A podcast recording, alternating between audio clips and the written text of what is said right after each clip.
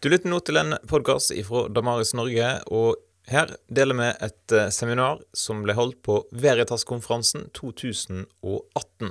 Eh, ja, Nietzsche og moral. For tre år siden så pratet jeg her, og så da pratet jeg om Nietzsche og nyateistene.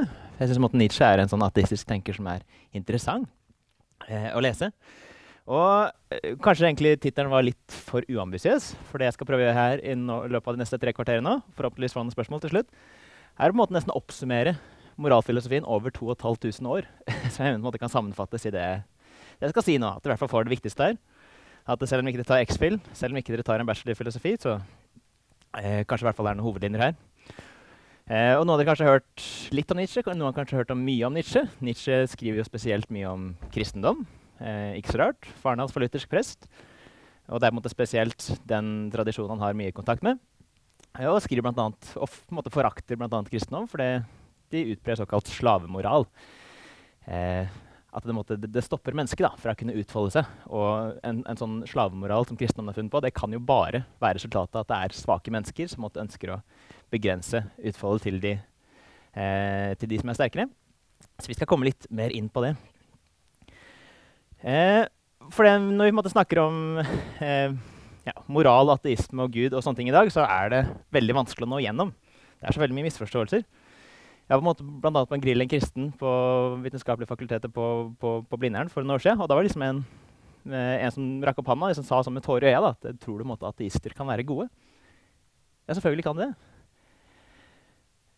Eh, og ateister kan gjerne ofte være minst like moralske som kristne. Eh, og mange mener at Gud da er uten betydning for moral. Men ateister som Friedrich Nietzsche eller John Gray i dag hevder at ikke det er slik. Eh, fordi om Gud ikke, eksisterer, så er det en del ting som forandrer seg. som vi skal komme inn på. Så kan man være god uten Gud. Hva er godhet? Hva er det vi snakker om når vi snakker om dette? her? Hvordan kan vi leve godt, eller hva kjennetegner en god handling? Eh, sagt, mitt navn er Daniel Joakim Kleven. Jeg driver en nettside hvor jeg driver blogger en del. Eh, så der kan dere lese uten å måtte høre på meg. Og så driver jeg også en podkast eh, hvor jeg snakker med litt sånn ulike spennende mennesker. Alt fra partikkelfysikere til stortingsrepresentanter og filosofer om en del ulike, timer, ulike temaer om alt mellom himmel og jord. Så kanskje noen av dere syns det hadde vært interessant. Eh, noen ganger så skriver jeg litt i aviser. Jeg skrev bl.a. en tekst om moral i Westworld, hvis noen av dere eh, har sett den serien, i, i Aftenposten. Eh, og litt sånn andre steder. Eh, og noen andre ganger så er det jo noen andre som skriver tekster. Og han, eh, det visste jeg ikke på forhånd, men han er så heldig at eh, han har vi her. Espen Ottesen, som skriver også en del. Kan man være god uten Gud? Og selvfølgelig Da er det mange som måtte bli illsinte, for da trigger du de tingene som sier at ja, men du må være kristen for å være moralsk. Men det er jo ikke det man sier. Det spørsmålet er, Kan måtte godhet i seg selv eksistere? Kan vi meningsfullt kalle noe for godt dersom ikke det først eksisterer en gud? Så La oss prøve å rydde opp litt nå i løpet av neste tre kvarteret. Og La meg starte med en påstand først. og det er at Moderne moralfilosofi er en ganske trist tilstand. Etikkfagen på videregående eller på universitetene består stort sett i å få en slags sånn innføring i noen ulike teorier som de sikkert har hørt om.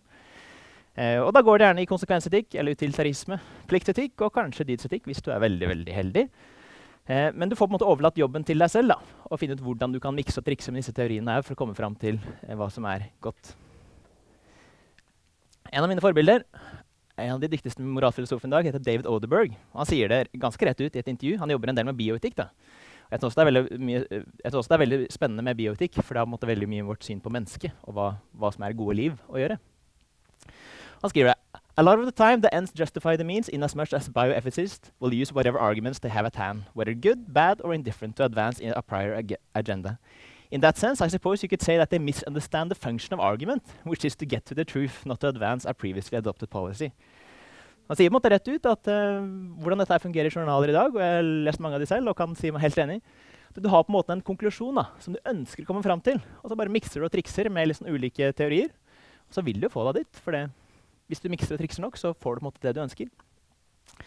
I recall reading a number of years ago a report by the UK Human Fertilization Embryo Authority, produced by a handful of bioethicists and devoted to defending human embryo experimentation. It was abund abundantly clear from the report that the authors uh, were intent on recommending embryo experimentation to the government as morally permissible, and they used whatever argument or theory they could to defend it. Altså, de hadde allerede bestemt seg for at dette ønsker vi å anbefale, og så må liksom gi en slags sånn eh, tåkelag av rasjonalitet ved å late som at du har en eller annen teori som fører frem til As a result, you had a bit of Kantianism on one page, utilitarianism on another, virtue theory on another, and bits of pieces of philosophical, philosophical thought, many of them totally ir ir irreconcilable with each other, thrown into the mix to achieve a supposedly rational conclusion. That's sure enough, it was a-OK to experiment on embryos as long as we're careful. Dere skjønner litt hvor jeg skal her. At hvis du måtte mikse og trikse med ulike teorier som egentlig eh, ikke har kanskje har noe rasjonell, rasjonell fundament, og som kanskje egentlig ikke er forenlige med hverandre, så kommer du gjerne fram til den konklusjonen du vil. Eller for å si Det på en annen måte, det er, måte, det er ikke fornuften da, som sitter i førersetet. Det er ikke ønsket om å finne hva som er sant, men det er stort sett viljen. Du har allerede bestemt deg for at det er noe du ønsker, og jeg skal rasjonalisere det. Så for å starte litt eh, Når vi snakker om moralfilosofi, så snakker vi gjerne om fire ulike, eh, fire ulike ting. Vi har deskriptiv etikk, og det er de som måtte bare begrenser seg til å beskrive hvordan mennesker handler. Altså, ok, Der ofrer de mennesker. Jeg skal ikke kaste noen moralsk bedømmelse over det. De, de ofrer mennesker for å please gudene. eller hva det skal være. Men jeg på en måte bare beskriver det. da. Jeg på en måte bare beskriver hva som ligger til grunn for deres handlinger. Eller så har du øh, men så har du disse andre som er metaetikk. som er, måte, Hva er det som er fundamentet vårt? Hvordan kan vi si at noe er godt? hvis måte, noen spør oss? Ja, men Hvordan kan du si at dette er godt? Hvordan kan du si at det er dårlig å ofre mennesker? Så du må skape innhold som du bruker i de ordene. Hva, hva, snakker vi om når vi snakker om godt? Så er det normativ etikk. At du kan gå rett og slett fra å si at altså Normativ er liksom at du, du, får, du får et bør fra et er. Ikke at du bare sier at disse menneskene ofrer mennesker. Nei, ja, denne folkegruppen ofrer mennesker for å please gudene, til at du kan si at dere bør ikke ofre mennesker for å please gudene. Hvis du kan bruke sånne ord som 'bør', som alle oss gjør for i barneoppdragelse, altså du bør ikke gjøre sånn, du bør ikke gjøre sånn og sånn, så har det kommet til normativ etikk. Og så er det siste, som er mer sånn moderne felt, som er anvendt etikk. da. Hvordan skal vi tenke gjennom de tusenvis av valgsituasjonene som vi stilles overfor eh, i løpet av livet? Og mange folk eh, forkludrer disse her. ikke sant? Eh, F.eks. hun som lurte på om ateister kunne være gode. Eh, eller mange av de responsene som Espen fikk, var liksom gjerne egentlig deskriptiv etikk. Altså, hallo, Hvordan kan du spørre om vi trenger Gud for å, for å ha godhet? Altså, Vi ser jo masse ateister som er kjempemoralske, og så har vi på en måte refuta deg. Ja, Men det er ikke det vi snakker om. Vi snakker på en måte om hva er det som ligger til grunn da, for de størrelsene vi bruker. Eh, nå hadde vi kanskje hørt om Christopher Hitchens. Han hadde liksom der, eh, berømte resonnementer som visstnok drukna denne ideen en gang for alle. Så si meg én ting en kristen kan gjøre som ikke en ateist kan gjøre. Og det skulle på en måte slutte all, slutte all diskusjonen. Men selvfølgelig, teoretisk sett så kan jo hvem som helst gjøre absolutt hva som helst. Så det er på en måte ikke det vi snakker om. Men spørsmålet er på en måte hvordan kommer vi fram til at noe faktisk er et godt liv. Og selvfølgelig, En, en kristen kan jo være en drittsekk, en ateist kan jo på en måte være en helgen. Eh, det er på en måte bare deskriptivt. Eh, men spørsmålet er måte hvordan rettferdiggjør de? Hvordan kommer de fram til fornuftige argumenter om hva som er et godt liv? For min påstand er at for at moral i det hele tatt skal være meningsfullt, så trenger vi metaetikk, for det er metaetikk som gir oss grunnlag til å drive normativ etikk. Altså Hvis jeg skal si at du bør gjøre sånn, eller du bør ikke gjøre sånn, så bør du kunne spørre meg tilbake men hvorfor det? Og så må jeg gi deg en begrunnelse for hvorfor dette her er godt eller ondt, bedre eller dårligere. For å si at jeg har, et, jeg har ett perspektiv, og så har du et annet motstridende perspektiv. Og kort fortalt, måte, da er vi uenige. Og det er ingen måte vi kan bli enige på om ikke en av oss måte, kan vise til et eller annet. Vise til et eller annet som er utenfor vår uenighet. Altså kunnskap. Til noe som er sant. En standard utenfor oss selv. Så hvis uenigheten vår på en måte skal oppklares, må det være fordi det faktisk finnes moralsk kunnskap. At det finnes moralske fakta. Hvis jeg tenker at ja, det er helt greit å slå barn, så sier du nei, det er ikke greit å slå barn. Så er det liksom, Ok, vi er uenige, men hvordan måte, blir vi enige dersom ingen av oss kan vise til noe kunnskap? For hvis vi er uenige, og jeg står fast ved mitt, så er det som oftest fordi jeg implisitt hevder at jeg har mer kunnskap enn deg. Og kunnskap jeg mener også burde overbevise deg. Hvis du hadde visst det jeg visste, så hadde du slutta å tenke at det er greit å slå barn. Altså, det er litt som med, med høyde. Hvis jeg sier at uh, hvis jeg er 1,82 og så er jeg høy, sier jeg at jeg er høy, og så er det en av dere som kanskje er 1,40 og sier at dere er høye. Så er det liksom, ja, men hvem av oss er på en måte høyest? Eh, så trenger vi på en måte en eller annen referansestandard da, til å på en måte finne ut ja, men hvem er det som faktisk er høyest. Dette her er en måte opprinnelige meterstaven. Og ut fra den så har vi på en måte blitt enige om at uh, høyde kan måles ut i henhold til en referansestandard som heter meter. Så da kan vi på en måte begynne å ja, begynne å få dette her inn i systemet. Så kan vi si at ja, men jeg er 1,82 og du er 1,40. Det betyr på en måte at jeg er høyere Eh, det betyr at jeg er eh, i hvert fall at jeg er høy i forhold til deg, og du er lav i forhold til meg. Så da har vi en en slags sånn referansestandard utenfor oss selv som løser det problemet at vi begge sier at vi er høye. Men da er det en måte kunnskap da, som tilsier at vi, en kan, vi kan skille mellom det. Er det da noe slik for godhet? At det fins en, en referansestandard som heter godhet, som faktisk gjør at vi kan skille mellom dette her? At vi kan vise til et eller annet som oppklarer vår uenighet om det er greit å slå barn eller ikke.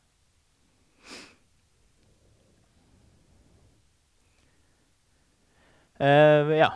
Og som sagt, her, her, skyter jo filosofihistorien slik vi kjenner den i gang. Så måtte Platon for eksempel, som starter for eksempel, og finner ut at ja, det fins en form av det, av det, gode. Og det er på en måte den vi bruker som referansestandard, på samme måte som vi bruker en meterstokk eh, når vi på en måte snakker om hva som er godt og ondt. Vi snakker om noe som er utenfor oss selv, formen av det gode. Eh, og på samme måte som, eh, som hvis jeg på en måte ser en avspeiling av sola i vannet, eh, så ser jeg på en måte eh, jeg ser noe som gjenspeiler sola da, i vannet. Og på samme måte så ting som er gode, gjenspeiler denne formen av det gode. Så at vi plutselig kan begynne å snakke meningsfullt om hva som er godt og vondt. Her er en annen helt. Jeg vil si at Dette er vår tids største moralfilosof. Han heter Alistair McIntyre. Eh, og Hans kronverk 'After Virtue' har på en måte brakt dydsetikken tilbake på agendaen i vår tid. Eh, med forløpere som Elisabeth Anscombe og Philippa Foot. Den 'After Virtue', den, den, det hovedverket hans, er en slags sammenfatning av hvordan kom vi hit i menneskehetens historie. Og kort fortalt, etter at personer som René Descartes, eh, som måtte, var han som tvilte på om noe eksisterte utenfor oss selv, måtte, gjorde det mulig i det hele tatt, eller David Hume, som sa at du, alt du har, er på en måte din direkte erfaring. At selv om jeg tenner en fyrstikk og ser at, den, eh, ser at den tenner 99 ganger, så kan jeg likevel ikke si at det er på en måte noen lov eller noen regelmessighet som tilsier at den kommer til å tennes også den tusende gangen. Jeg kan på en måte ikke si at det er en lov mellom f.eks. svovel som antennes, og det at det, det blir ild den der skeptisismen begynner å komme. Eh, eller Immanuel Kant. Immanuel Kant eh, satte som kjent et skille mellom das Ding an sich og das Ding für mich. At du, du har bare dine opplevelser. Eh, du har bare din opplevelse av virkeligheten. Men eh, om virkeligheten slik den faktisk er, kan du ikke si noe som helst. For det er på en måte sånn unbridgeable gap da, mellom din erfaring og virkeligheten slik den faktisk er. Så folk begynner å bli skeptiske til om sannhet i det hele tatt er mulig. Folk begynner å bli skeptiske til om det er mulig å vite noe om virkeligheten. Og som vi forventer, så, så måtte følger etikken etter. Eh, og McIntyre sin analyse er at eh, da, etter at Aristoteles har falt, og Descartes og Hume og Kant og mange andre har på en måte sådd tvil om vi faktisk kan vite noe om virkeligheten, så får vi en ting som starter på 1900-tallet, som kalles for ekspressivisme, eller emotivisme. Eh, og den har fortsatt et ganske tett grep på oss. Jeg håper at dette her på en måte gir mening inn i deres egen kontekst jeg, mens jeg prater om det. For ifølge ekspressivismen så Når f.eks. jeg sier at uh, du burde ikke slå barn, så sier ikke jeg Jeg appellerer på en måte ikke til faktisk kunnskap. da. Alt jeg sier, er noe om mitt eget følelsesliv. Fordi til syvende og sist er det alt jeg kan si noe om. Jeg kan ikke si noe om sannhet, i hvert fall ikke når det kommer til etikk, men jeg kan si noe om mitt eget følelsesliv. Så det at jeg f.eks. sier at uh, vet du hva, du burde ikke slå du burde, ikke, du burde ikke slå barn som en del av barneoppdragelsen, kan på en måte oversettes til påstanden at uh, vet du hva? Det skaper en vond følelse i meg når du slår barn. Og det er helt sant. Det skaper virkelig en vond følelse i meg. Men så er neste spørsmål ja, men hvorfor skal du bry deg om det? Hvis det skaper en god følelse i deg, så hvordan løser vi på en måte den uenigheten? McIntyre oppsummerer det som When two people disagree about whether it is good or would be good for someone to be, do, or have, they are then on an express expressivist view, disagreeing in their preferences, endorsements, attitudes of approval, concerns, desire, passions, or some combination of these. These are not disagreements concerning some matter of fact, ikke noe med virkeligheten å gjøre, e, eller om sannhet å gjøre, concerning something independent of the psychological stances or stories of, the, of those who find themselves in disagreement. Det handler på en måte bare om psykologi. Det handler bare om hvordan jeg opplever, eh, opplever ja, hvordan jeg opplever det når du f.eks. sier noen moralske påstander. Så Da på en måte forstår vi kanskje litt mer da, hvordan vi kom fram til hit som vi er i dag. Hvor eh, moralisme er på en måte noe av det verste du kan gjøre. Eh, for det, hvis jeg har mine psykologiske tilstander, og du har dine psykologiske tilstander, hvordan kan jeg bare på en måte si at mine er bedre enn dine, eller at du ikke burde gjøre sånn? eller noe sånt, For det vi snakker jo ikke om, vi snakker jo ikke om faktisk kunnskap uansett. Men hvis vi skal drive etikk, da, sånn som vi gjerne implisitt tenker om det, så handler det jo faktisk om kunnskap. Det handler jo om fakta, slik som alle andre vitenskaper. I etikk så finnes det rette og gale svar. To personer kan være uenige om hva som er en god og dårlig løsning. Og noen ganger så er uenigheten helt legitim fordi de har ulike perspektiver, eller konteksten spiller en rolle. Mens andre ganger så skylder uenigheten i at den ene, eller begge, har feil. Og hvis du måtte høre hvordan politikere eller filosofer prater mot hverandre i dag, så man mener på en måte at noe er riktig og noe er galt. Man mener jo faktisk at noe er bedre og at noe er dårligere. Um, man mener jo at abortloven er sånn og sånn, eller man mener at kirkas holdning til mennesker med en homoseksuell legning er sånn og sånn, og da prøver man i hvert fall å faktisk appellere til fakta. Eh, og ikke bare si at eh, vet du hva, det skaper eh, de og de psykologiske reaksjonene i meg når du sier det. Så vi er på en måte litt sånn forvirra. Vi lever på en måte litt, sånn, litt i twilightet mellom disse to her. Kanskje fordi vi ikke helt klarer å formulere det, men kanskje Nietzsche kan hjelpe oss til å formulere det. Sagt, noen ganger kan uenigheten være helt legitim. Eh, si f.eks. at du kommer ut av butikken med, med, to, med, noen, med noen tunge handleposer, og så ser jeg at å, men det skaper stor smerte i deg å ha de handleposene. så du, du ville kanskje tenkt at det er godt av meg å komme hit og hjelpe deg. og ta de handleposene. Men isteden ser du at jeg bare løper av gårde. Så blir du, så blir du skikkelig sur og tenker at dårlig gjort av Joakim å løpe av gårde og se at jeg har alle disse handleposene her.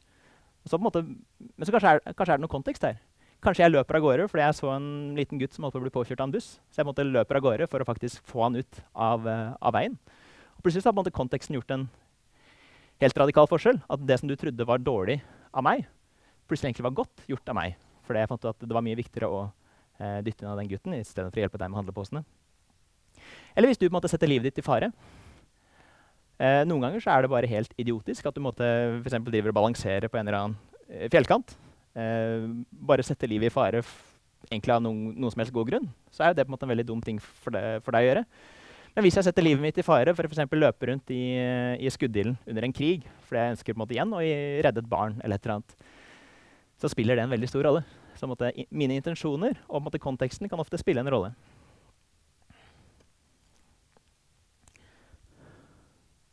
Men så er, det, måte, eh, så er spørsmålet at når vi snakker om disse tingene, her, snakker vi faktisk om kunnskap, eller gjør vi ikke? Og McIntyre avslutter liksom dette her. Oppsummert moralfilosofi 2500 år. Vi står med disse to alternativene. Det er Aristoteles, Aristoteles eller så er det Friedrich Nietzsche. Fordi Aristoteles og mye av den kristne tradisjonen med Augustin og Akinas etter han, hevder at vi faktisk kan lese ut av naturen noe om hva som er godt.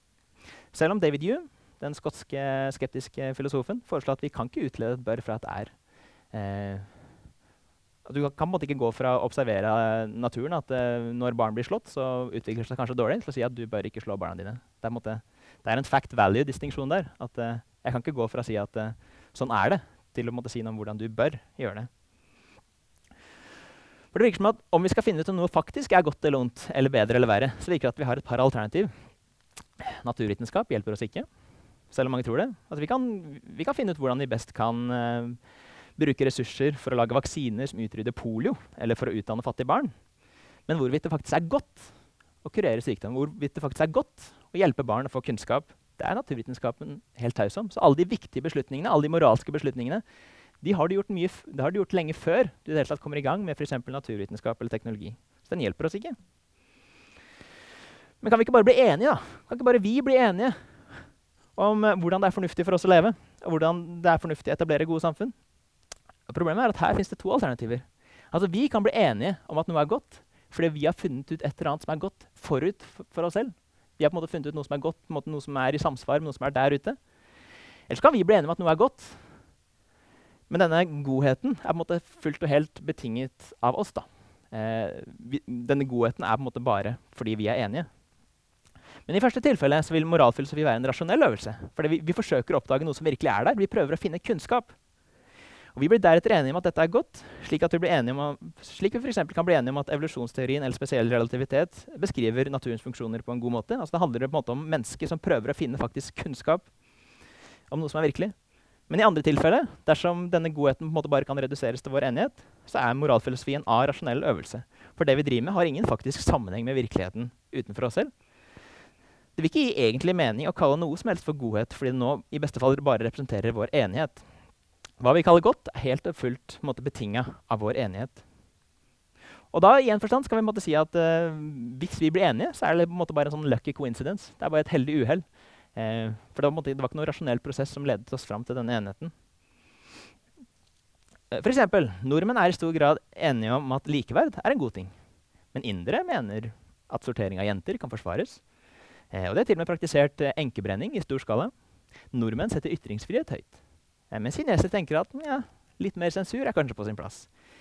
Men altså, måte, hvis det vi kaller godt, bare er vår enighet, så har vi mista alle våre ressurser til å kunne fordømme eller si noe om hvordan andre bør gjøre det. Vi kan ikke fordømme indere eller kinesere for det de gjør. Fordi de bruker samme metode som oss. kanskje. Og så lenge det er stor nok enighet, så er jo tross alt kineserne og inderne ganske mange flere enn oss. Så kanskje det er vi heller som burde revurdere likeverd og ytringsfrihet. Kanskje det er de som har rett. Fordi i det tilfellet så er ikke vår enighet noe uttrykk for noe annet enn ja, emosjonelle psykologiske disposisjoner. Det har ingen sammenheng med noen rasjonell øvelse. Jeg kan si at jeg føler ubehag ved å se en mann som slår barna sine, eller ved å sende jøder på konsentrasjonsleir. Men jeg kan ikke si, jeg kan ikke si noe om hvorvidt dette faktisk er virkelig godt eller ondt, bedre eller verre. Det å oppdage moral er ikke noe en øvelse for intellektet, men det er på en måte bare ren vilje. Vilje ut fra mine psykologiske disposisjoner. Så da er vi rett og slett det som vi kaller for nihilister. Vi er beyond good and evil, som var på en måte Nietzsches hypotese. Så Nietzsche, eller Aristoteles Jeg skal komme kjapt tilbake til Aristoteles helt på slutten, men denne forelesningen handler stort sett eh, tross alt om Nietzsche. Så jeg skal innrømme å ha et slags sånn merkelig kjærlighetsforhold til Nietzsche. Eh, jeg syns det, det, er mye mer interessant da, å se hvordan verden ser ut Eller hvis jeg skal prøve å sette meg inn i hvordan virkeligheten ser ut ut fra et konsekvent ateistisk livssyn, eh, så er det veldig mye mer interessant å lese han kontra f.eks. disse nyateistene som jeg pratet om for noen år siden. F.eks. Richard Dawkins eller Chris Hitchens, som f.eks. Lennox har debattert mot. Fordi mens disse kjedelige nyateistene tror at den kjappe slagord er nok til å felle den største intellektuelle tradisjonen i menneskehetens historie, så var i hvert fall Friedrich Nietzsche høflig nok til å forakte kristendom i stor grad for noe det faktisk er, inkludert en stor hengivenhet, etikk og barmhjertighet. Såkalt slavemoral. Nietzsche var en tysk tenker som ble født i 1844 og levde på siste halvdel av 1800-tallet. Uh, mens karrieren hans tok måtte brått slutt da han ble gal, kanskje med syfilis, i 1889, frem til han døde i år 1900. Eh, vi kan bare lure på hva hva han hadde skrevet hvis han hadde ikke, ikke, dette her hadde skjedd. Men hadde fortsatt uh, å skrevet. Sagt, faren hans var en luthersk prest, men faren døde når Nietzsche var bare fire år. Eh, året, et, året, etter så dør storebroren hans. Det er på tydelig at Nietzsche vokser opp da, med mye lidelse, med mye smerte, veldig tett på kroppen. Eh, så Nietzsche vokser opp, men han mister raskt den kristne troa si. Men han blir imidlertid svært godt utdannet i klassisisme. At han måtte studie av disse klassiske tekstene. Både de gamle greske tekstene, de romerske tekstene, men selvfølgelig også Bibelen. Og bare 24 år gammel så ble han ansatt som professor i filologi, altså studie av disse tekstene, eh, i Basel. Eh, sentrert rundt tolkningen av klassiske og bibelske tekster. Nietzsche ble tidlig fan av den pessimistiske filosofen Arthur Schopenhauer. og Gjennom hans interesse for musikk og deres felles beundring for Schopenhauer får han en god relasjon og nærmest en far-sønn-forhold til musikeren Richard Wagner. Om dere har hørt måte, The Ride of the Valkyries. Hvis du har sett Ap Apokalypse nå, så er det måte, den musikken som går i bakgrunnen. Veldig sånn mektig musikk, men også veldig sånn depressiv musikk. Du blir veldig tung i hodet hvis du hører lenge på det. Så vi forstår på en måte at filosofi og kunst hører ofte sammen. Eh, ting du på en måte tenker i filosofi, eh, har ofte konsekvenser for hvordan du på en måte utfolder deg, f.eks. som kunstner. Nietzsche kommer til å forakte begge disse to seinere i livet, men det er en annen historie. Eh, det er tydelig fra tidlig alder at Nietzsche beundrer kunsten, og særlig den antikke greske tragedien. For den har på en måte en uttrykk av menneskets sanne tilstand. Altså Hvis du måtte lese for Homer, så beskriver han på en måte karakterer som hele deres skjebne fra fødsel til død er på en måte forutbestemt. da. Så det beste de kan gjøre, er på en måte bare omfavne skjebnen sin og på en måte prøve å leve best mulig der de er. Men ulykken, mener Nietzsche, starter når Sokrates kommer inn i bildet og etterfulgt av Platon. For disse ifølge Nietzsche, forsøker å presse menneskene inn i å rasjonalisere og moralisere tilværelsen, snarere enn å bare være sitt naturlige selv. De innbiller folk at de skal søke etter det som virkelig er sant. For det, det som virkelig er sant, er tydeligvis noe annet enn det å på en måte bare oppleve. Snarere enn å omfavne den tilværelsen de er i. Og Platon kommer f.eks. med denne idélæren og disse idealiserte formene. Og Nietzsche mener for at det distanserer mennesket totalt fra virkeligheten. Det gjør mennesket opptatt av noe som er der ute, snarere måtte være fullt og helt konsentrert gjennom det som skjer her og nå. Ja, og Nietzsche så antageligvis på renessansen som en mulighet for at dette klassiske tragedien kunne gjøre et comeback, men det tilløpet ble kvalt av kristendom. Eller som Nietzsche kalte det, platonisme for folket. Eh, kristendom gjorde på en måte at disse ideene her ikke bare ble en uh, idé for eliten på akademiene, men på en måte spredte de, plasserte de inn i en sånn narrativ da, som gjorde at de ble tilgjengelige for folk flest. Og med det så starter Nietzsches livslange kamp mot det kristne systemet spesielt. Og spesielt kristen moral. Så Nietzsche skriver i 'Human All to Human' om hvordan det kristne synet bortimot begraver mennesker i gjørme og gjør dem til marker, hjelpeløse på egen hånd, skrikende ut etter Guds hjelp Nietzsche hater dette her. Og han gjør det med en sånn fantastisk lidenskap. For han hater spesielt at denne kristne moralen er på en måte rettet forbi denne verden. Eh, at kristne ikke måtte bare ha perspektivet av det, denne, dette livet alene, men at det også på en måte peker forbi. Så i boka «Also sprach Sarasostra så erklærer profeten Sarasostra at det er denne verden vi skal omfavne med hele oss. Og For å måtte forstå hvor Nietzsche kommer fra, i tillegg til at han selvfølgelig opplever mye lidelse, i, i starten av livet sitt, så er det også viktig å forstå den tida han lever i. At Han levde jo etter Napoleon og etter den franske revolusjonen i 1789. og Der så ble på en måte alle de etablerte strukturene ble kasta om.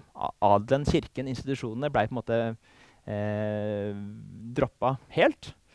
Eh, og så skulle han på en måte prøve å skape en sånn ny orden. da. Eh, med frihet, likhet, eh, brorskap, men hvor det straks ble barbari og blodbad og titusenvis av mennesker ble henrettet ved giljotinen og andre steder i løpet av bare noen år. Så eh, den sosiale orden på, på Nietzsches tid letet på nytt etter noe fast å stå på. For de gamle institusjonene var på en måte døde. Så hvordan ser denne verden ut for Nietzsche? I boka 'The Gay Science' finner vi den berømte lignelsen hvor Nietzsches galemann løper inn på markedsplassen og forteller om Guds død. Altså hvis, du, hvis, du, snakker til en person som ikke vet så mye om Nietzsche, så har du i hvert fall antageligvis hørt det sitatet her 'Gud er død'. Så hvor kommer det sitatet herfra? Eh, jeg syns teksten er så fantastisk poetisk, så jeg begynte å bruke den i litt for mange foredrag etter hvert. Eh, så la oss se hva han faktisk skriver.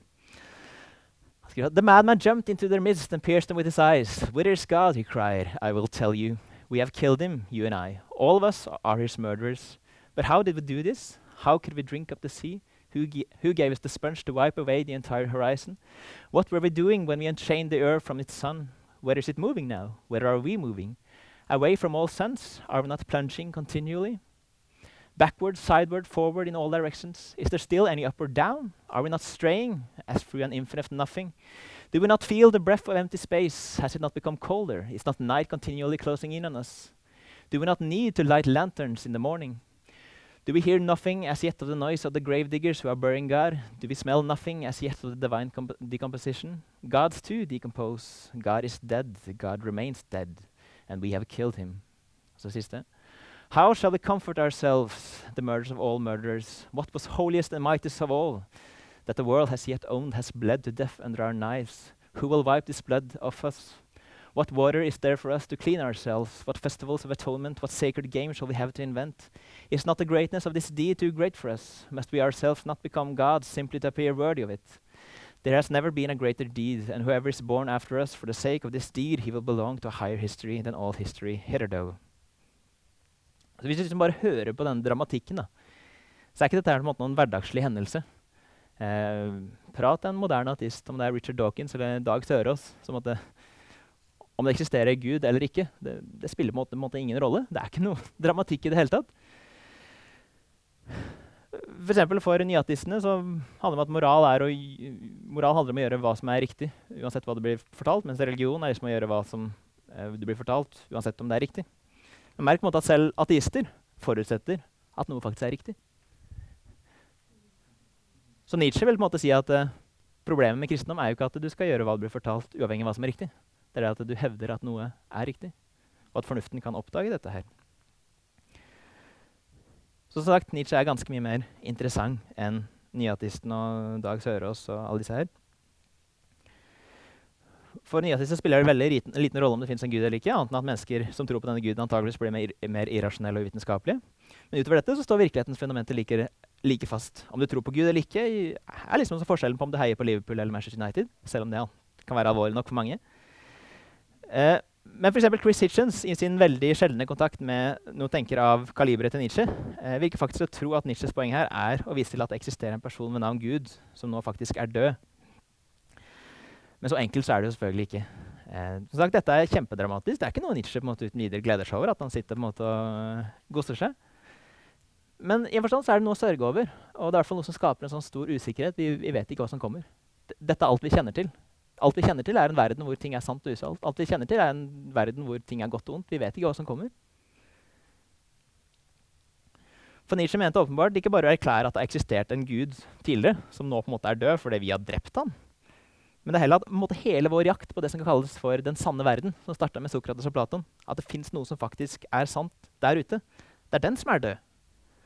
Og hva gjør vi når Gud er død?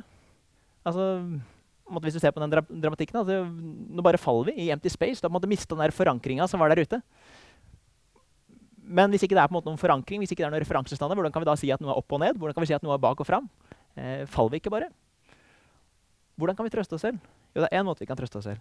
Vi må bli guder selv. Vi må bestemme eh, vi må bestemme disse størrelsene her. For det fins ikke noe der ute som kommer til å hjelpe oss. På sett og vis kan du kanskje si at er, vi er tilbake i første Mosebok. Med Adam og Eva som selv ønsket å bestemme hva som er rett og galt. Med Kain som selv ønsker å bestemme hva som er rett og galt. Med Babels tårn og at mennesker selv ønsker å bli guder. Altså, det er utrolig provoserende utrolig frustrerende at det skal være noe der ute som bestemmer hva som er godt og vondt. At ikke jeg bare kan skape det selv. Men Nietzsches poeng er at sannhet, godhet, skjønnhet det er ikke noe som er der ute. Det er ikke noe som fornuften din kan oppdage. For det, en forutsetning for at fornuften kan oppdage noe, er jo at det er noe som allerede eksisterer. Hvis jeg sier at Paris er hovedstaden i Frankrike, så er det fornuftig. For det, det fins en verden der ute hvor det er sant. Eh, hvis jeg sier at Oslo er hovedstaden i Botswana, så er det ikke fornuftig. For det, det fins ikke noe verden der ute hvor dette her er sant. Men Nietzsche sier at det er først da vi kan omfavne livet, når vi på en måte er skapere selv. Når det er vi som utfolder oss. For når den eksterne garantisten, eller tredjepersonsperspektivet, for å opprettholde virkeligheten slik vi kjenner den, er vekk, så ligger den verden vi trodde vi kjente til, i ruiner. Så et annet bilde Nietzsche gir, er skyggen av Buddha. Eh, det er en sånn morsom mytefortelling. Han sier at Once the Buddha was dead, people displayed his shadow for centuries afterwards in a cave, an immense and dreadful shadow. God is dead, but as the human race is constituted, there will per perhaps be caves for millennia, yet where people will display his shadow. And we, we have yet to overcome his shadow. Det er en myte som sier at når Buddha måte døde, så døde han i sånn lotusstilling, og så måtte faller han ned, men skyggen av Buddha i lotusstilling fortsetter å være på veggen i århundrer seinere. Og selv på Nietzsches tid var det mange uh, intellektuelle som ikke trodde på Gud. Men problemet mente Nietzsche at de fortsatte å leve som om Gud faktisk var. Som om sannhet, godhet og skjønnhet måtte være ting som eksisterte utenfor oss selv, som faktisk var meningsfulle ord. Og den skyggen av Gud kommer fortsatt til å være over samfunnet vårt. Så jeg tror at uh, Kanskje ikke så mye er forandra. Jeg tror Nietzsche ville hatt like stort problemer med, med de debattene vi har i offentlig samtale i 2018. Jeg tror han ville hatt like store problemer med Humanitisk Forbund uh, uh, og alle disse her som han hadde måte, med sine contemporaries da, på, på slutten av 1800-tallet. Så jeg tror, jeg tror, ikke Nietzsche ville vært så veldig mye mer fornøyd med våre artister heller. Uh, I hvert fall ikke disse Richard Dawkins. Uh, som har sånn, Hitchens har en sånn ganske sånn deilig moralsk engasjement. Det er måte, nesten beundringsverdig å se han rase mot denne guden som han mener er umoralsk, eller rase mot denne religionen som han mener skaper, skaper en dårlig situasjon for mennesker rundt om i verden. Så han har på en måte en veldig sånn genuin da, moralsk dedikasjon. Men Nietzsche ville på en måte anklage ham for å si ja, men hvor får du den herfra? Nietzsche ønsker å rive ned etablerte forestillinger, men hva Nietzsche selv ønsker, er ofte litt vanskelig å få tak i. For han er på en måte først og fremst en filiolog og poet, og kanskje dernest en filosof. Ikke en vanlig filosof, slik vi tenker oss til. Etter han på en måte har revet ned alt, så bygger han ikke opp et nytt systematisk grunnlag for hvordan vi skal tenke. Og kanskje det er nettopp muligheten for det som Nietzsche kritiserer. Jeg tror ikke at Ofte blir Nietzsche kritisert bare for å avvise sannhet altogether. Eh, jeg tror ikke det på en måte helt stemmer. Jeg tror på en måte bare Nietzsche prøver å si at sannhet er ikke det vi, sannhet er ikke det vi trodde det var. Sannhet er liksom ikke at tankene våre skal treffe noe som er virkelig der ute. Men sannhet er på en måte noe radikalt annet. Eh, samme kritikken som du kanskje kan gi mot f.eks. postmodernisme. at eh, det, er de, det, er ikke, det, er ikke nødvendigvis det at de ikke tror på sannhet, men det er kanskje det at de måte, ønsker å si at sannhet er noe ganske radikalt annet. Eh, som vi andre ikke helt gjenkjenner, vi som liker å holde fast ved at sannhet er faktisk at jeg skal tenke på noe som er virkelig. Og Det interessante er at både Aristoteles og Nietzsche mener at selve meninga med livet er å bli den beste mulige versjonen av seg selv. Det som er interessant, er også at dette ser veldig radikalt annerledes ut for de to. Eh, begge mener at det viktigste er at du skal bygge karakter, du skal bygge deg selv, du skal bruke tid på å utvikle deg selv. Men de har en veldig ulik antropologi, de har en veldig ulik tanke om hva mennesket først og fremst er. Som gjør at de kommer til ganske radikalt ulike konklusjoner. Som er at det som Nietzsche på en måte kaller for slavemoral, som måtte hindre mennesket i å utfolde seg selv, er på en måte det som Aristoteles for kaller for dyder. At du skal finne gylne middelvær, og du skal, på en måte, du skal trene opp deg selv da, til å faktisk leve på den rette måten. Og jeg tror eh, Forskjellen på disse to her er på en måte egentlig forskjellen på to strander av, av moralfilosofi siste 2500 år. Og den største forskjellen er at Nietzsche setter viljen i høysetet, mens Aristoteles setter fornuften i høysetet. Eh, og sier på en måte at viljen følger på fornuft. Da. Viljen skal prøve å gjøre det som er godt. For det er faktisk mulig å finne ut hva som er godt først. For Nietzsche for eksempel, tar opplevelsen av misunnelse. Jeg tror det illustrerer godt hvordan Nietzsche tenker at kristne lager en slavemoral. For kristne mener Nietzsche løser problemet med misunnelse. Altså, vi opplever ofte at vi er misunnelige. Vi opplever ofte å se andre som har ting som vi tenker at nei, det, det er det jeg som burde hatt. Eller du burde ikke ha det. Og Kristne løser dette her med, med å prøve å dysse ned opplevelsen og nekte seg selv det de ønsker. De forteller seg selv at uh, sånne ting som at de saktmodige, de ydmyke, de fattige skal arve jorden, og det er lettere for kamel å komme til nåløyet enn for en rik å komme til himmelen. Men en bedre løsning, mener Nietzsche, er å bruke, vår en sånn, bruke opplevelsene våre som, som en slags sånn guide til hvordan vi kan bli den best mulige utgaven av oss selv. Fordi følelsen av misunnelse det kan være at den forteller noe veldig viktig om deg selv. Den forteller om en slags sånn diskrepans, den forteller om en slags sånn gap mellom den personen du er nå, og den personen du skulle ønske at du var. Så kanskje du måte, kan bruke den opplevelsen til å sette alle dine krefter til verks for å få hvis du er misunnelig på noen som har en bedre kropp enn deg, du kan bruke kreftene på å få den, få den kroppen.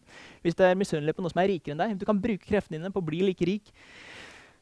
Hvis du, hvis du er misunnelig på noen som er mer berømt enn deg, så kan du bruke alle kreftene dine på å bli like berømt og like anerkjent blant mennesker. Og så, videre.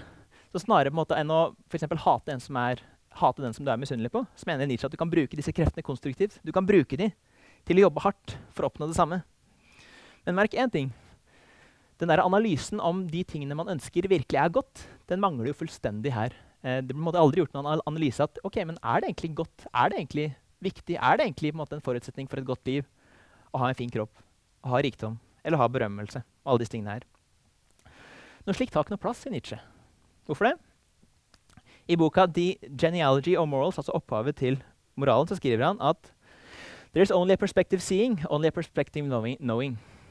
Så når sannhet er på en måte vekk fra verden som en ting der ute, så er vi jo bare perspektiver. Det er jeg som ser, og det er du som ser, det er jeg som vet, og det er du som vet, det er jeg som har opplevelser, og det er du som har opplevelser.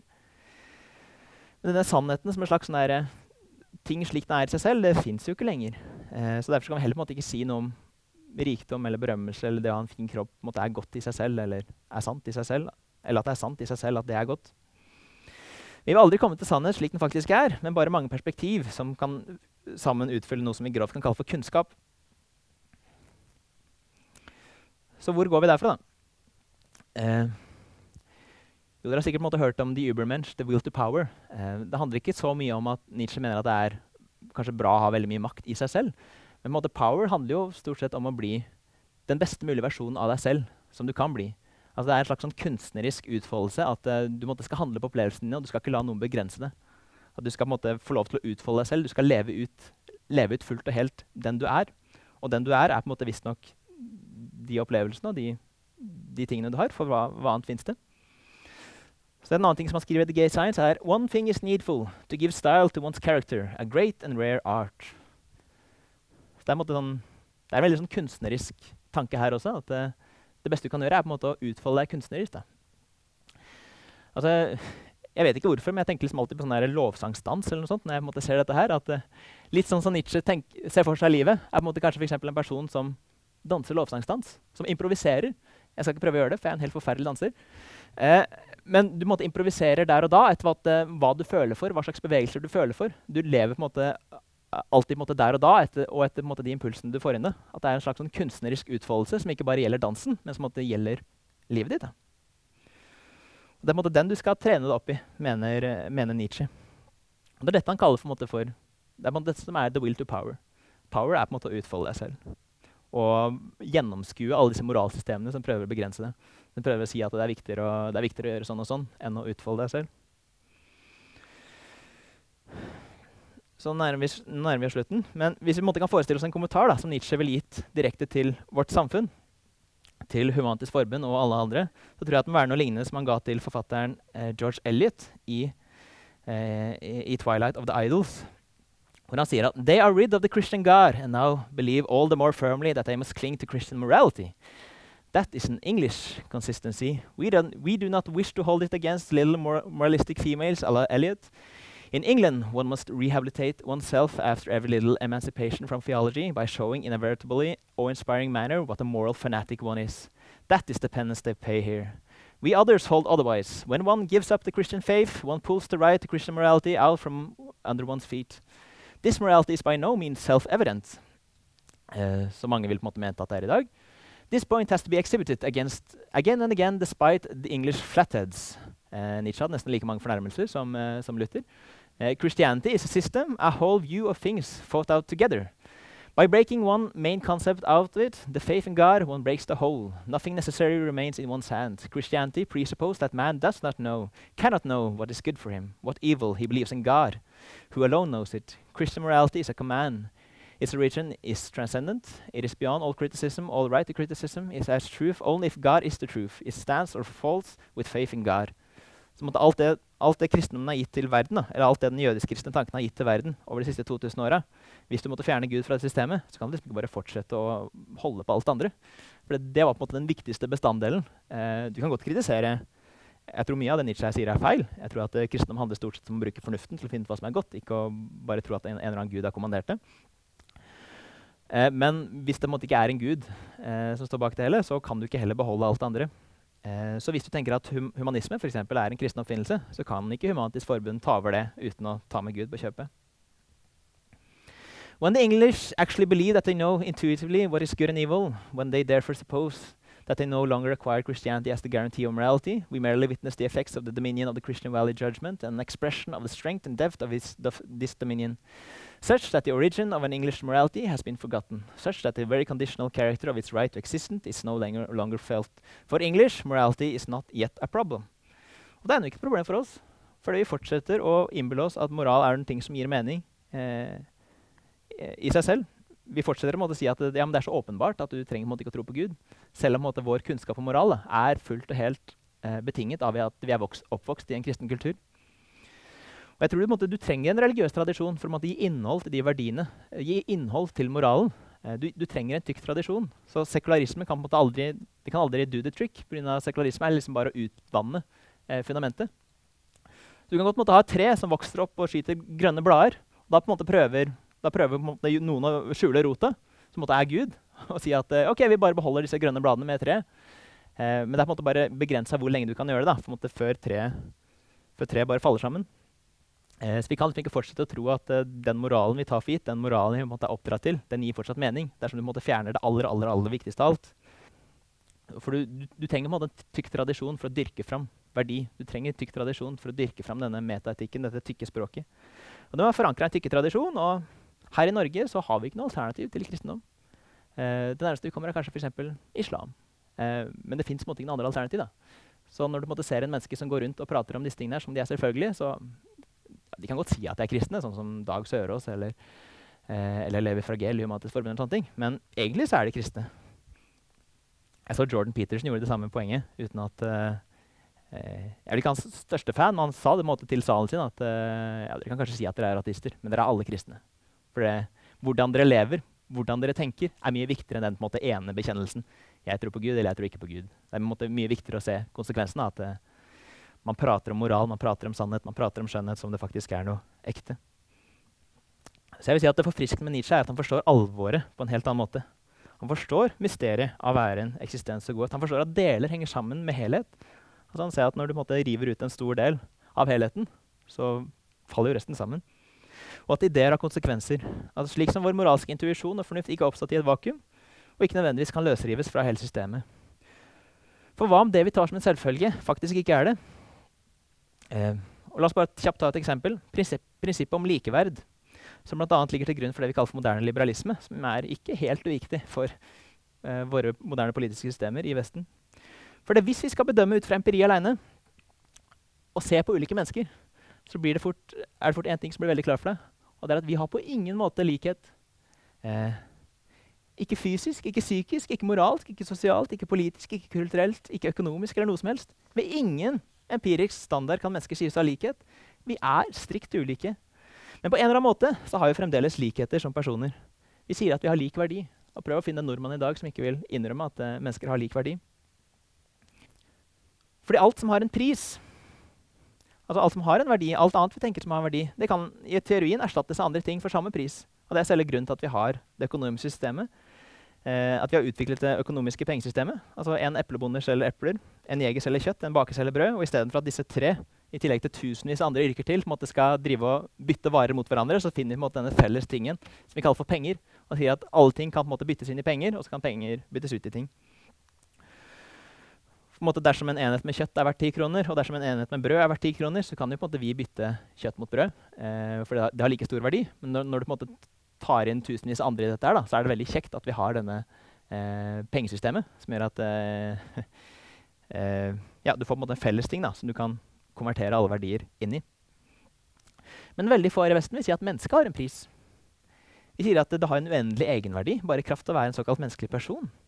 Og likeverdet mellom mennesker er allerede en forutsetning for likebehandling, som de fleste av samfunnsinstitusjonene våre bygger på. All politikk er i en forstand moral. Politikk er bare moralfilosofi i stor skala. For det, all politikk sier noe om hva som er ønskelig. Og det sier da implisitt om noe som hva som er godt. Eh, vi prøver å fortelle at vi har kunnskap om hva som er godt, og vi bygger opp samfunnet etter det. Det handler på en måte om hvor vi vil hen, kollektivt. Så igjen, vi har ikke likeverd fra noen empirisk standard.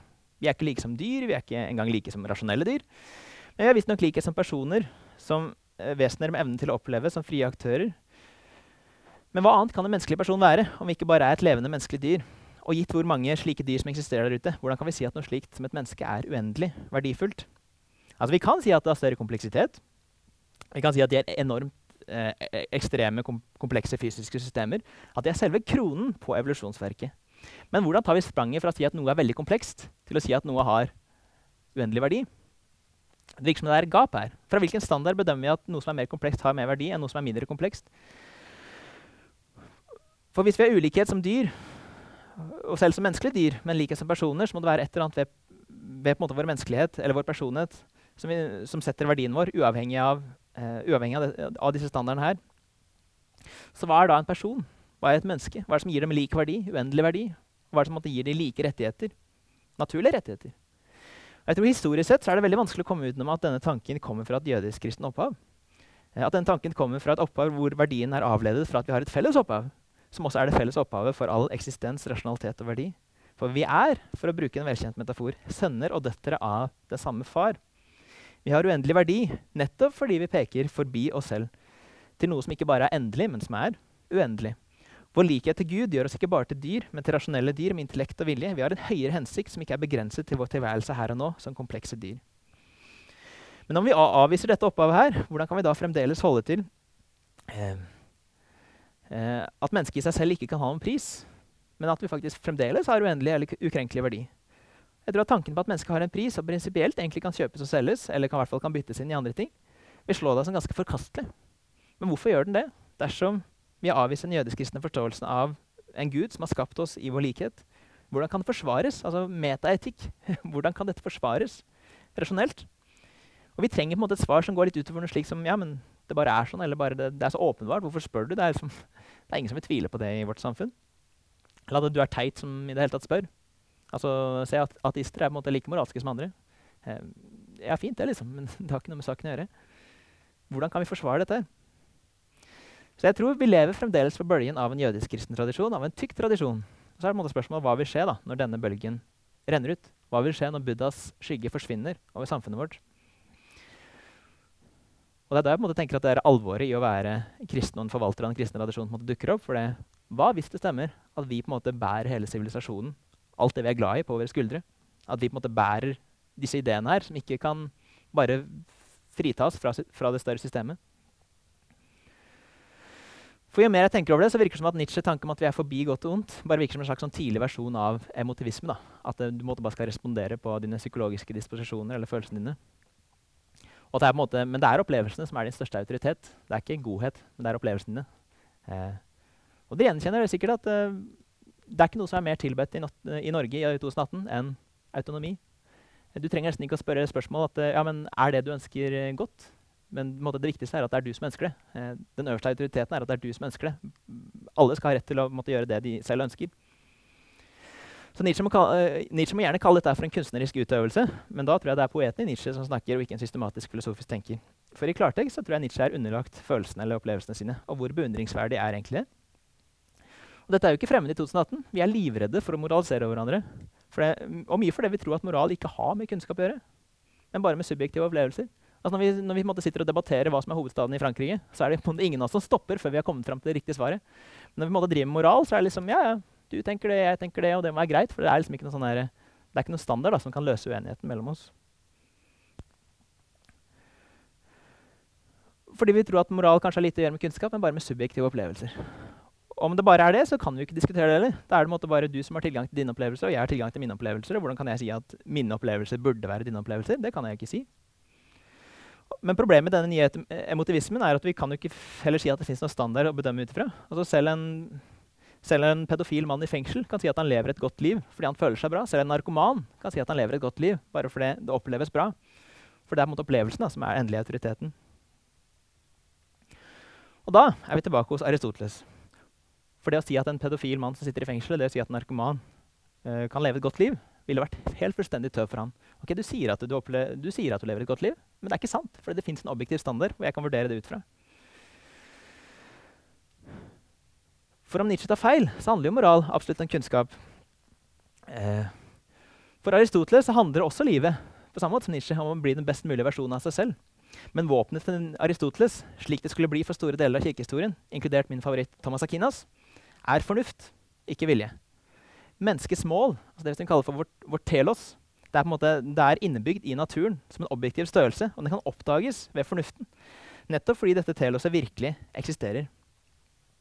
Og I de fleste situasjoner vil ikke vi, set, vi vil ikke sette tvil om det. Filippa Foot, som var en av de som var før McIntyre, hun beskrev dette her ganske tydelig at for alle andre typer levende skapninger som vi kjenner, kjenner til, så fins det noen objektive sannheter om hva som er godt og ondt. Eh, du veit at eh, en plante, eksempel, gitt hvordan plantens natur er, så kan du si en god del ting om hva som er godt for den planten. Du kan si at det er godt for den å få sollys og rent vann. Du kan si at det er dårlig for den å, få, å sette den i en kjeller og gi en whisky eller et eller annet. annet. og samme for, samme for, alle dyr. Ut fra hvordan dyrene er utvikla, ut fra dyrens natur, så kan du si en god del om hva som er godt og vondt for det dyret. Ekornet, gitt hvordan måte, det ekornet er bygd opp, så er det antageligvis godt for det å slippe fri og løpe rundt i trær og spise nøtter.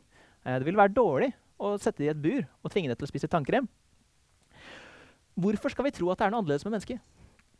Er ikke vi også en, en naturlig skapning sånn som dette her? Eh, så hvis vi kan si noe sånt om planter, hvis vi kan si noe sånt om dyr, så tenker Filippa Futt eh, vi er idioter hvis ikke vi tror at dette her også handler om mennesker. At det fins noen, noen objektive sannheter da, om hva som utgjør et godt og et dårlig liv.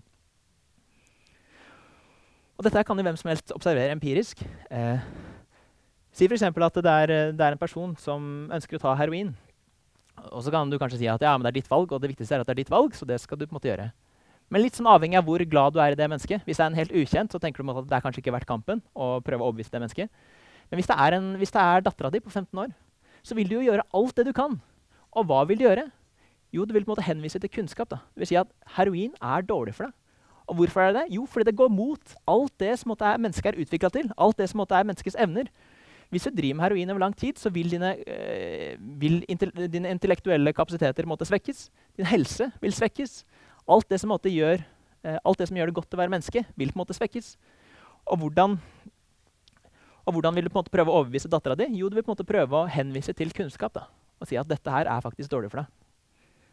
Eh, og hvis dette er sant med, med for noen som ønsker å ta heroin, så hvorfor skal det ikke da være sant med mennesker som prøver å le leve umoralsk? At du faktisk prøver å overbevise dem. Nå snakker jeg om overbevise. Man kan bare overbevise hvis man viser til kunnskap. Overbevise dem at vet du hva, dette her er dårlig for deg. Dette kommer til å gi deg et dårlig liv. Eh, men hvis du skal leve godt, hvis du skal leve til å bli den beste mulige versjonen av deg selv, eh, så hør på, hør på, disse argumentene her. Hør på den kunnskapen her. Så håper jeg at jeg kan overbevise deg. Så Det viktigste er ikke at det er du som velger det. Det viktigste er at du velger godt. Og Da må vi bli litt moralistiske, men det er helt greit for meg. På Kants, på var Aristoteles Telos allerede revet ut av filosofihistorien. så Derfor så var det, måte, det beste han kunne tenke seg da, på 1800-tallet, var lov. At det var plikter og regler. Men for de greske filosofene så tenkte jeg at det fins et telos i naturen. Og hvordan kan, vi, hvordan kan vi leve godt? Jo, vi må prøve å etterligne det gode. Vi må prøve å forenes med det gode. Eh, vi må se på det gode i naturen, og så må vi på en måte prøve å kopiere det. Vi må prøve å bli mest mulig lik. Og hvis det høres kjent ut, så er det fordi det var en veldig god idé for kirkehistorien å ta opp. For det som er så veldig spennende med å være eh, kristen, er at du trenger ikke være filosof for å prøve å analysere naturen. Liksom prøve å finne ut sånn ja, men hvordan ble jeg forent med det gode, hvordan lever jeg godt, og hvordan er måte, naturen innrettet. Du trenger ikke være filosof. For vi har ikke bare abstrakt filosofi, vi har et levende forbilde. For det målet for vårt telos, Målet med tilværelsen er Gud. Og Gud har blitt menneske. Og dette mennesket har gitt oss noe helt håndfast. Eh, Han har blitt, blitt, kjøtt og blod. Han har levd et liv på samme måte som vi skal leve et liv. Eh, og da har vi måte, noe veldig konkret å se på. Det er ingen andre tradisjoner i menneskehetens historie som måte, kan eh, skilte med noe lignende.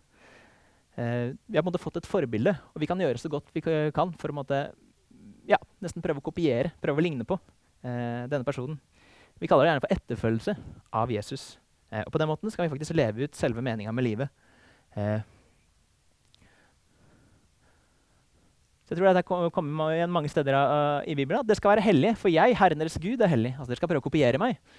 Vær barmhjertige, slik deres far er barmhjertig. Skal prøve å kopiere Gud. Slik som Faderen elsket meg, har jeg elsket dere. Og dette er mitt bud. Dere skal elske hverandre slik som jeg har elsket dere. Dere skal prøve å kopiere meg, sier Jesus. Altså, Du skal ikke elske fordi Gud sier det, fordi det er en regel eller fordi det er en lov, men fordi Gud er det. Vi skal prøve å ligne mest mulig på Gud. Vi kommer aldri til å klare det, men det skaper i hvert fall et, eh, et, best mulig liv. Så Guds bud er ikke det som definerer etikken, men det informerer. Eh, og først og fremst, det aller øverste prinsippet i etikken er at vi skal prøve å ligne på Gud. Og hvordan ser det ut, helt praktisk? Jo, det ser ut som å ligne på Jesus, som å følge Jesus. Så dette her var en veldig rask sammenfatning av 2500 år med moralfilosofi, hvor vi endte opp med å kanskje måtte velge mellom Aristoteles og store deler av kristen tradisjon, eller Nietzsche. Jeg håper at jeg har gitt noen grunner til å velge Aristoteles, men først og fremst jeg håper at jeg har gitt noen grunner til å se verdien at kanskje det hadde vært en greie å prøve å være en mest mulig dedikert etterfølger av Jesus.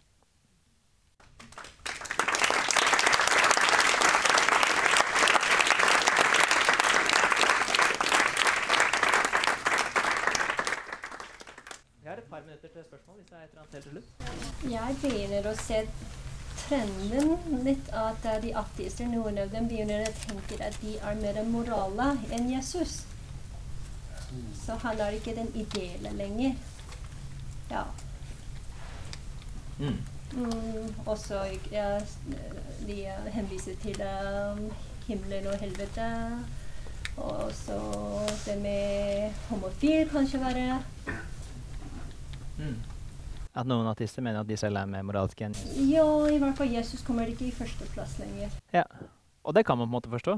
For det, hvis ikke Jesus har den autoriteten av å være Guds sønn, så er det ikke gitt at han på en måte var selve forbildet for hvordan vi skal leve.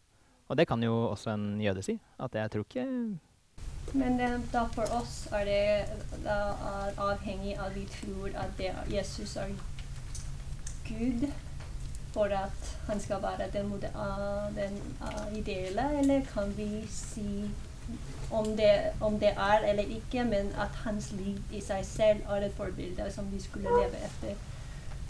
Um, ja, det, så er det sånn avhengig av hva vi tror på at han er Guds sønn? Er det det som er sånn som Nietzsche Er er det troen?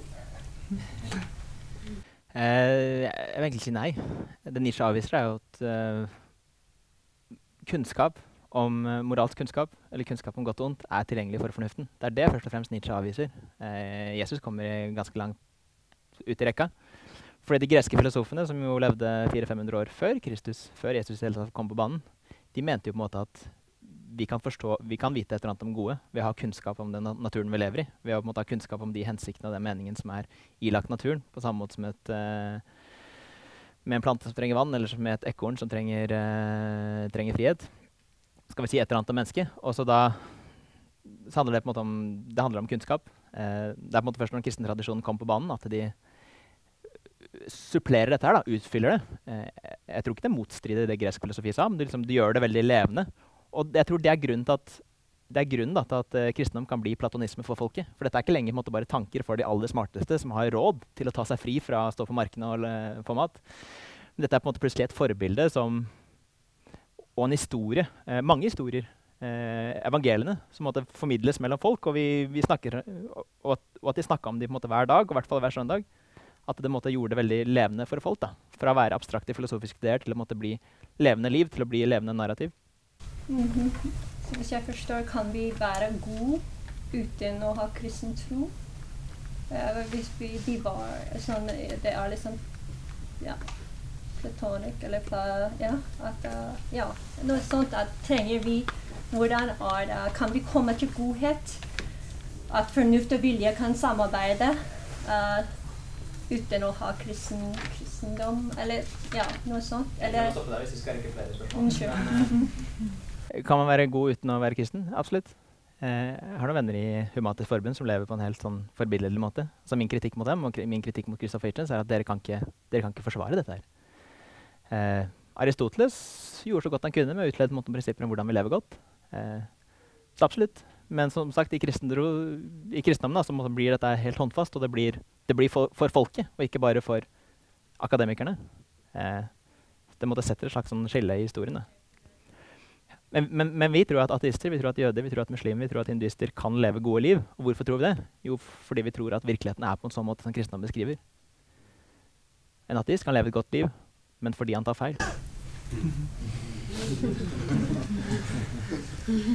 Jeg vet ikke så mye om Nietzsche fra før av, egentlig bare bitte litt. Men jeg ville du sagt at han er den mest, en av de mest ærligste ateistene, i hvert fall. I det minste. Ut ifra uh, hva de sin verdenssyn er, da. Mm. tenkte en annen favorittartist som sto vel i beskrivelsen. Han heter John Gray.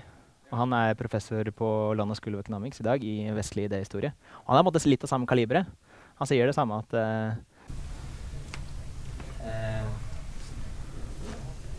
De prøver på en måte ikke å rasjonalisere rett og galt. Altså de, de, ting de mener er godt for seg de prøver ikke å på en måte gå dypere enn de kan. Ja. Eller han har skrevet en bok som heter akkurat uh, 'Syv typer ateisme'. Og han vil si at fem av de typene er dypt religiøse, fordi de bare later som de er ateister. Sånn som Hitchens eller Sørås eller mm. Men uh, Nietzsche er på en måte på en av disse to som virkelig er, virkelig er ateistiske, som forkaster alle disse forestillingene som de egentlig ikke har lov til å ta av, og på en måte lever uh, ekte liv da, i henhold til de ideene som de faktisk har. Det tror jeg er siste. Ja, jeg bare lurte på Er det ikke en tendens vi ser i dag, av nettopp at uh, mennesker begynner å ta over uh, rollen som Gud, som bestemmer hva som er godt og vondt på et sånt subjektivt plan, som Nietzsche måtte postulere litt der, at de må gjøre. For nå er jo Gud død, så nå har vi ikke noe grunnlag lenger. Så nå bestemmer vi Vi ser at eutanasi f.eks. dukker opp som et um, økende tema der argumentet er at du ikke skal Det er min subjektive opplevelse som er noe verdt å høre på her. Mm. Eh, og at eh, den praktiske moralen blir at vi er konger nå. Mm. Så da må jeg utføre makt hvis jeg skal kunne håndheve det jeg mener er godt. Og så blir moralen avhengig av hvem som er kongen, da, eller flertallet i det demokratiske samfunnet da blir en konge. Egentlig. Så da blir det politisk korrekthet da, som er kongen. Ja. ja. Jeg holder på å skrive bok om et av sine, så det kommer nok til å bli en av mine argumenter. at enten så Enten så kjører du autonomien fullt ut, ubegrensa, eller så begynner du å rangere i hva som er et, for et verdig liv å leve. Jeg tror du ser det på en måte litt, men det du fortsatt ser, er jo at jeg holdt på å si våre fiender, sånn som Ole Martin Moen og Aksel Brand Sterri, bruker f.eks. utilitarisme eller konsekvensetikk for å på en måte, rettferdiggjøre de, de, konklusjonene her. Så de mener jo at det rasjonelt lar seg forsvare. Men det skjer et litt sånn triks her. og det er at Utilitarisme eller konsekvensetikk handler på en måte gjerne om å kalkulere, om å maksimere gode konsekvenser og måte minimere negative konsekvenser. Men du kan, du kan, formulere det på en annen måte. Du kan si at det handler om å maksimere godhet. Og så handler det om å minimere ondskap. Da, det som vi ikke ønsker. Men det de aldri gjør, er jo på en måte å sette seg ned og definere hva er godhet, eller hva er ondskap. De tar på en måte bare for gitt at det fins noen sånne størrelser. F.eks. nytte, f.eks. Uh, lyst, f.eks. Uh, sånn og sånn og sånn. Eh, så utilitarisme er liksom bare et mattestykke, egentlig. Men et mattestykke sier på en måte ikke om noe hva som er, hva som er godt eller ikke. Så jeg vil si på en måte at de, de jukser, da. Det er derfor utilitarisme er så veldig godt verktøy for de som allerede har bestemt seg for hva de ønsker å mene, og prøver på en måte å rasjonalisere det ved å late som at det fins et mattestykke som uh, rettferdiggjør det. Og det ser jo innmari rasjonelt ut. Altså, studentene på Blindern lar seg jo forføre i hopetall fordi de tror at dette er å, det er matematisk, det er så fint, du kan maksimere, du kan minimere liksom, de vitenskapelige metodene. ikke sant? Eh, dette her har jeg lyst til å følge. Jeg bare lurte på der. Utilitarismen har jo, eh, som jeg har forstått den, egentlig handlet om at flertallets eh, Altså det flest mulig vil tjene på. Men i en subjektiv definisjon så vil jo bare eh, det flertallet subjektivt mener er godt, det er godt. Og da sitter du med variasjon på definisjonen på godt også, ikke bare på eh, om handlingen er, er eh, til fordel for deg, men om det er definert som godt i utgangspunktet for flertallet. da. Jeg tror det du prøver å beskrive, er uh, preferanseutilitarisme. Det finnes mange ulike måter utilitarismen. Preferanseutilitarisme er denne ideen, bare basert på at det gode er at flest mulig mennesker skal få flest mulig preferanser dekket. Men det, måte, du stiller aldri spørsmål til om disse preferansene er gode eller ikke. Så hvis det er, uh, hvis det er 51% mennesker som har preferanse for å, for å, ta livet av kristne, så er det måte, viktigere at vi får de dekket, enn de 49% som har preferanser om at de kristne skal leve. Så det er helt sånn arbitrært, da, helt sånn vilkårlig, hva, hva, det gode er. Du sier bare at uh, Ja, det er egentlig sånn vilje satt i system. da. Det er viktig at flest mulig mennesker skal få utfylt viljen sin. Men vi, vi stopper aldri å analysere er den viljen god, eller er den ikke. Ja, vi, vi leker Gud. Det, det, blir veldig tydelig den derre Gud er død. Hva skal vi gjøre? Jo, vi må bli guder selv. Vi må bli Adam og Eva, vi må bli Kain, vi må bli uh, Babelstårn. Ja. Er det ikke vakkert når, måtte, når, når du oppdager at det første Mosebok sier noe veldig sant om den menneskelige tilstanden?